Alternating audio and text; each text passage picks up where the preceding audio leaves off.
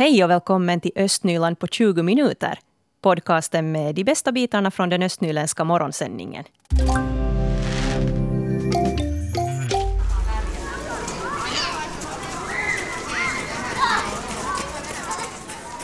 Så här brukar det låta på skolgårdar och utanför dagis. Barn som leker, gungar och hoppar i vattenpölar om det har varit en regnig dag.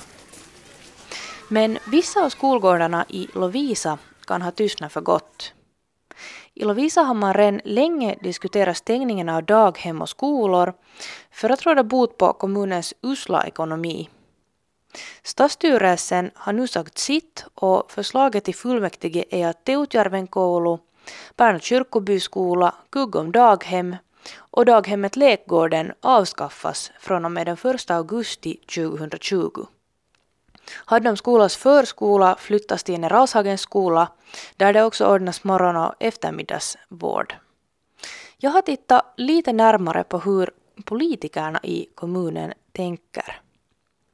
Sju av nio styrelseledamöter röstar enligt stadsdirektörens förslag om att stänga skolorna och daghemmen. No, Mikael Karlsson kom med motförslag om, om Pärnö kyrkobys skola att, att dess verksamhet ska fortsätta och det understöddes av Rolf Sjödahl. Det säger stadsstyrelsens ordförande Mia Heinsbruck Virén. Hon är själv SFP-are liksom både Karlsson och Sjödahl och det kom som en överraskning att man inom partiet inte var helt överens. Särskilt som någon dissonans inte var synbar då man röstade om budgeten i december. Nu har, har det två, två det där ledamöter bytt åsikt i den här frågan och, och därigenom så hade SFP då en splittad grupp och vi var 3-2. Hade SFP på förhand diskuterat den här frågan? Hade ni liksom planerat någon sorts gemensam linje?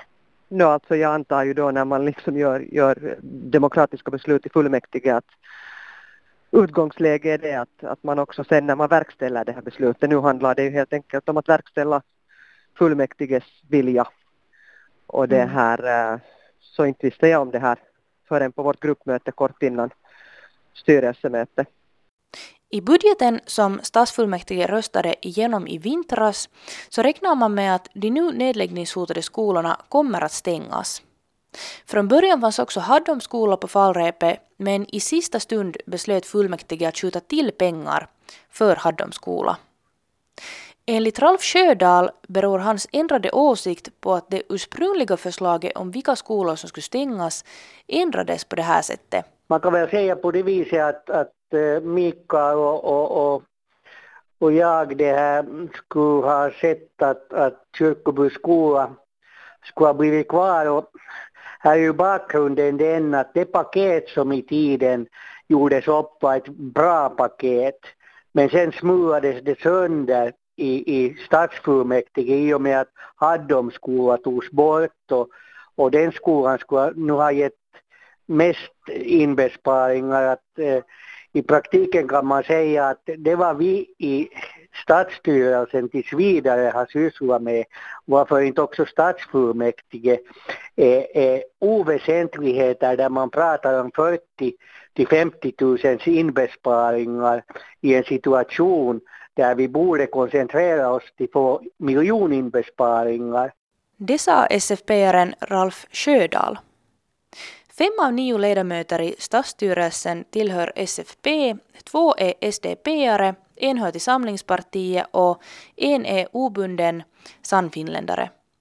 Det speglar situationen i fullmäktige där SFP är det överlägset största partiet med SDP och Samlingspartiet som tvåa och trea. Stadsstyrelsens andra vice ordförande Juha Karvonen är Samlingspartiets enda ledamot i styrelsen. Inom Samlingspartiet var man eniga, säger han. Vi hade nog i förhand diskuterat om saken och, vi hade gjort nog beslutat redan tidigare i budgetbehandlingen att det ska behandlas just på det här viset som vi beslöt idag. Alla vet att vår ekonomi för tillfället ganska dålig. Det är en orsak. Såklart det är inte så stort men det är spaning i alla fall jag själv ser också den här pedagogiska sidan ganska viktigt. Arja Isotalo, som är första vice ordförande i styrelsen, säger att man också inom SDP diskuterar frågan på förhand och att man var eniga om att rösta för en skolstängning. Hon tror ändå att det kan finnas avvikande åsikter inom gruppen. Kanske närmast är dem som bor just den där orten som där skolorna finns så har man lite andra synvinkel. Hur det slutligen går för Pärnu kyrkoby skola, Teutjärven koulu, Kugum daghem och daghemmet Lekgården, det får vi se i slutet av april när fullmäktige ska rösta i frågan. Och reporter här var Mira Bäck. Vi har också en webbartikel på svenska.yle.fi östnyland där ni kan läsa mer om stadsstyrelsens möte i Lovisa igår. Nu i coronatider när man ska undvika att träffa en massa andra människor så kan det ju vara skönt att gå ut på en promenad eller kanske söka sig till någon vacker utsiktsplats eller till ett friluftsområde. Men det finns saker man ska tänka på när man är på de här ställena. På sistone så har papper, tomma förpackningar och burkar inte varit en ovanlig syn vid grillplatserna vid Borgos friluftsområden. Och det är ju bra att fler och fler människor söker sig ut i skogen, men det har alltså också sina sämre sidor. Vi ska höra vår reporter Fredrika Lindholm. På grund av corona så rör sig människor utomhus som aldrig förr. Och det här märker man också på olika friluftsområden i Borgo. Tidigt på söndag morgon skulle Henry Altio gå ut till Varlaxudd med sin son. Men han blev chockad över mängden skräp som fanns längs med stigen. Pitkin polku oli kokonaisia makkaroita, makkarapaketteja. Altio berättar att det längs med stigen låg hela korvar, korvpaket, tomma burkar och allt vad man kunde tänka sig i skräpväg. När han och hans son kom fram till grillplatsen såg det ut som att ingen skulle ha plockat bort efter sig då det låg tomma förpackningar och papper utspridda över hela stället. Poika rupesi siivoamaan ja han och hans son städade upp allting och lämnade stället i gott skick. Men alltid och hoppas att folk hädanefter inte skulle skräpa ner så att man också i fortsättningen kunde få njuta av den fina naturen vid Varlaxudd. Men har man på Borgå stad märkt av att fler människor rör sig ute på grund av corona? Så här svarar Tage Lönnroth som är förman för friluftsområden i Borgo. Nu har vi delvis märkt av det att det är vissa ställen här som, som varit utsatta lite för, för illdåd och sånt. Och, och här, sist den här var det för en vecka sedan där holken som var, som där har varit något, något ungdomsgäng säkert och festat lite och det var, där hade då sitt ganska vilt ut sen på lördagen sen att vi, vi var ju där på fredagen var vi och städa och laga i skick det området men att, men att sen så på fredagskvällen eller på natten hade det varit något, något gäng i farten så att, så att det blev att sen hoppa in på lördagen för att städa upp där när vi fick meddelande om att det var glasskärvor och ölburkar och, och allt möjligt skräp som de kastade omkring sig och plus att de sen delvis också söndrar, söndrar liksom river loss och söndrar ställen och målar och sottar och har sig. Så det är inte så trevligt alltid. Just det, så du tror inte det är inte de som liksom är på dagen, vet du, några familjeutflykter, att det är inte sådana Nej, som lämnar efter sig saker? Att folk är nog annars ganska sådär sköter sig ganska bra på det viset. Att det är nog mer det här just den här när det samlas sådana gäng med sen som festar och har sig lite. Men vi har det nu vårt jobb, det är nu bara tråkigt att, att det förstörs platser och, och få skattepengar för till så här liksom. Att, man, därför ska man ju hoppas då att att föräldrar och sånt skulle lite veta vad, vad deras ungdomar håller på med men att det är inte alltid så lätt. Där hörde vi alltså Tage Lönnroth som är förman för Borgostads friluftsområden.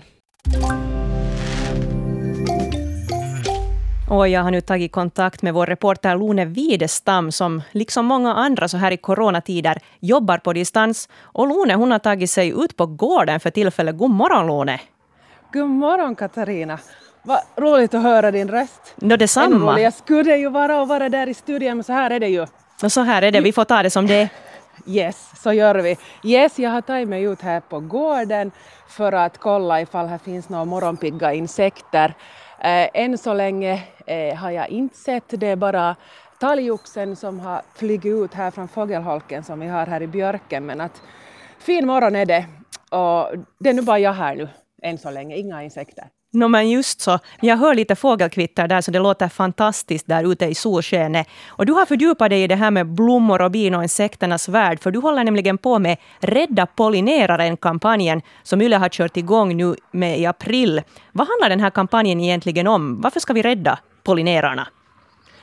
Svaret är ganska enkelt, för att vi är helt beroende av pollinerare. Eh, utan pollinerare så kan vi bli utan äpplen, blåbär, eh, körsbär, gurkor, jordgubbar och kaffe. Och vi har ju redan nu här i Östnyland i ett par års tid haft dålig blåbärsskörd och i alla fall mina blåbär är redan slut i frysen. Nå, det beror ju delvis på vädret också, torka och kallt väder. Men utan humlan så blir det i alla fall inga blåbär. Så ju fler humlor och bin det finns, desto mer bär blir det i våra skogar. Mm. No, det börjar ju vara en tid sedan nu mina biologilektioner. Du, du nämnde här humlor och bin, men finns det andra pollinerare vi bör känna till? No, jo, precis.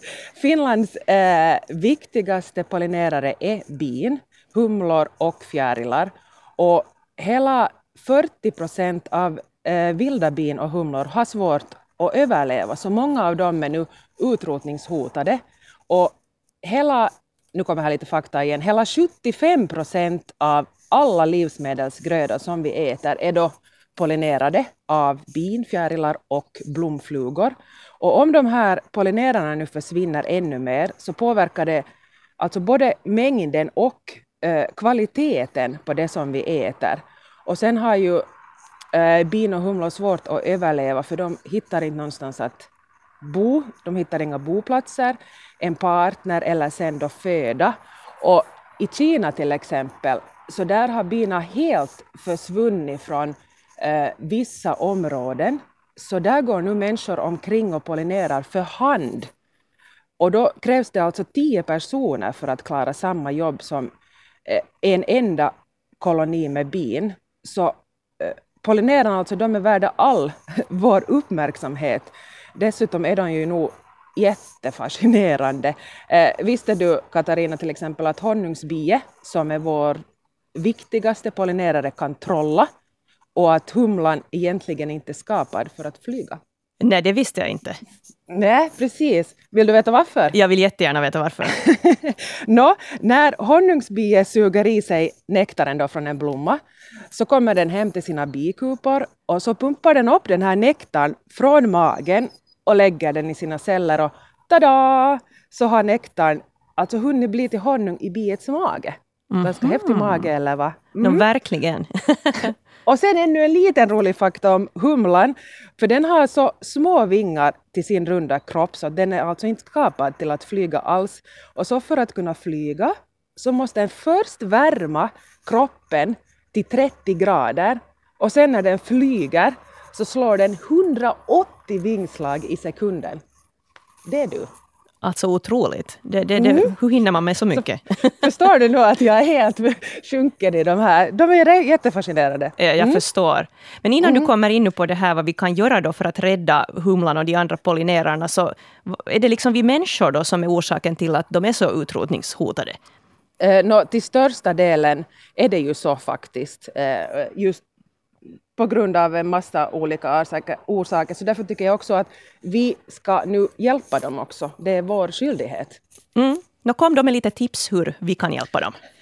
Nå, om vi börjar med det tipset som de flesta kommer att jubla över så kan du i sommar låta bli att klippa gräsmattan. Yeah! För, yeah! för varje gång som du klipper gräset så mister pollinerarna sin arbetsplats och ofta dör de. Och jag vet att det är många som inte klarar av att ha en oskött gräsmatta, men lämna då liksom i alla fall en liten del oklippt. Och nu på våren så låt gärna maskrosorna blomma, för det är jätteviktig mat för pollinerarna. Maskrosorna är alltså binas älsklingsrätt. Just det, så blommor och växter är viktigt så att insekterna har någonting att äta. No, precis så är det. Så för alla pollinerande insekter behöver nektar och pollen. Så det som du också kan göra är att, att odla pollinerarvänliga växter på din gård, så får du också bättre frukt och bärskörd. Så alltså, det gynnar dig själv. Och, och, och bin och humlor trivs bäst i, i en miljö med biologisk mångfald, alltså en skog, en äng eller en trädgård med olika typer av blommor och växter och, och, och småkryp.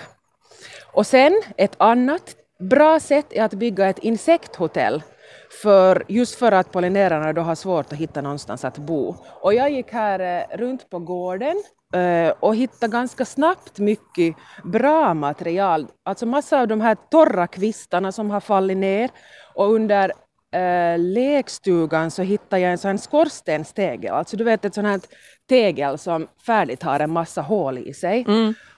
Och sen en massa såna döda stammar och grenar, så död, död ved är alltså bästa tänkbara insekthotellet. Så att man hittar, gå i skogen eller i, i, på gården eller i parkerna så hittar du redan en massa eh, material till de här insekthotellen och sen är det bara att googla eh, eh så hittar du massa inspiration till insekthotell, allt från sådana jättelätta till femstjärniga hotell. Det skulle vara någonting här för Västra Åstranden i Borgå då kanske, insekthotell. ja, så skulle det komma igång det här projektet. ja, det är strålande idé hör du. Ja. Faktiskt bra. Sen ännu ett sista tips är att sluta använda giftiga medel i trädgården för att det finns naturliga sätt att använda istället. Och hur du nu då bygger insekthotell och vilka blommor du kan odla för att hjälpa våra pollinerare och sen om du då har glömt det här med hur pollineringen egentligen går till, varför det är så viktigt, så allt det här hittar man på svenska.yle.fi natur. Och om man gör en gärning så kan man gärna gå in och berätta vad man gör. På den här natursidan så finns det en artikel där det bara är att sätta ett krux i rutan för vad man gör. Det är helt jätteenkelt och samtidigt så räddar man alltså pollinerarna. Och det hoppas vi ju att vi gör så att vi får till exempel blåbär och annat skojigt i år. Tusen tack Lone Widestam för att du var med här i sändningen. Tack, hej då. Hej då.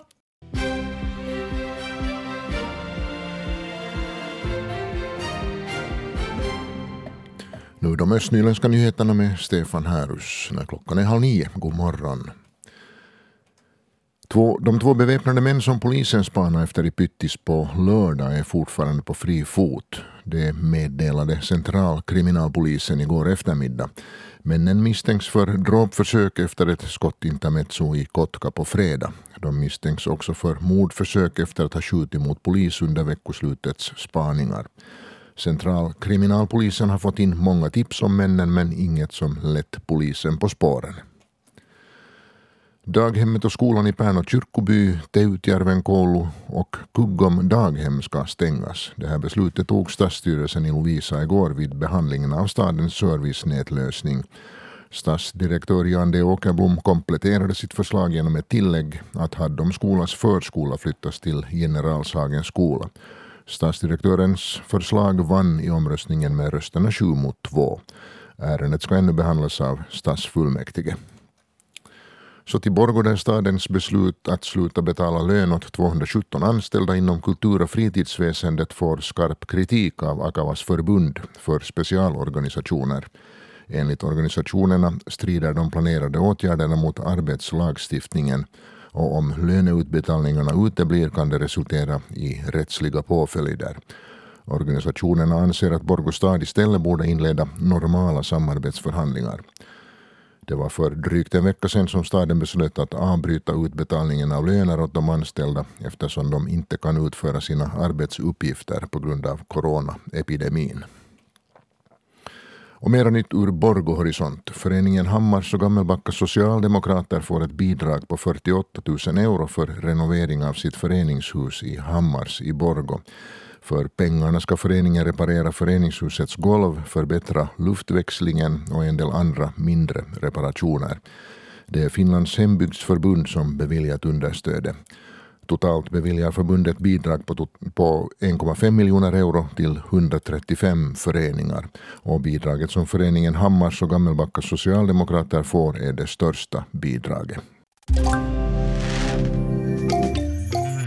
Och jag säger god morgon här till Fredrika Sundén, vår morgonreporter. God morgon, god morgon. Alldeles kort här, vad behöver vi veta om coronaviruset idag?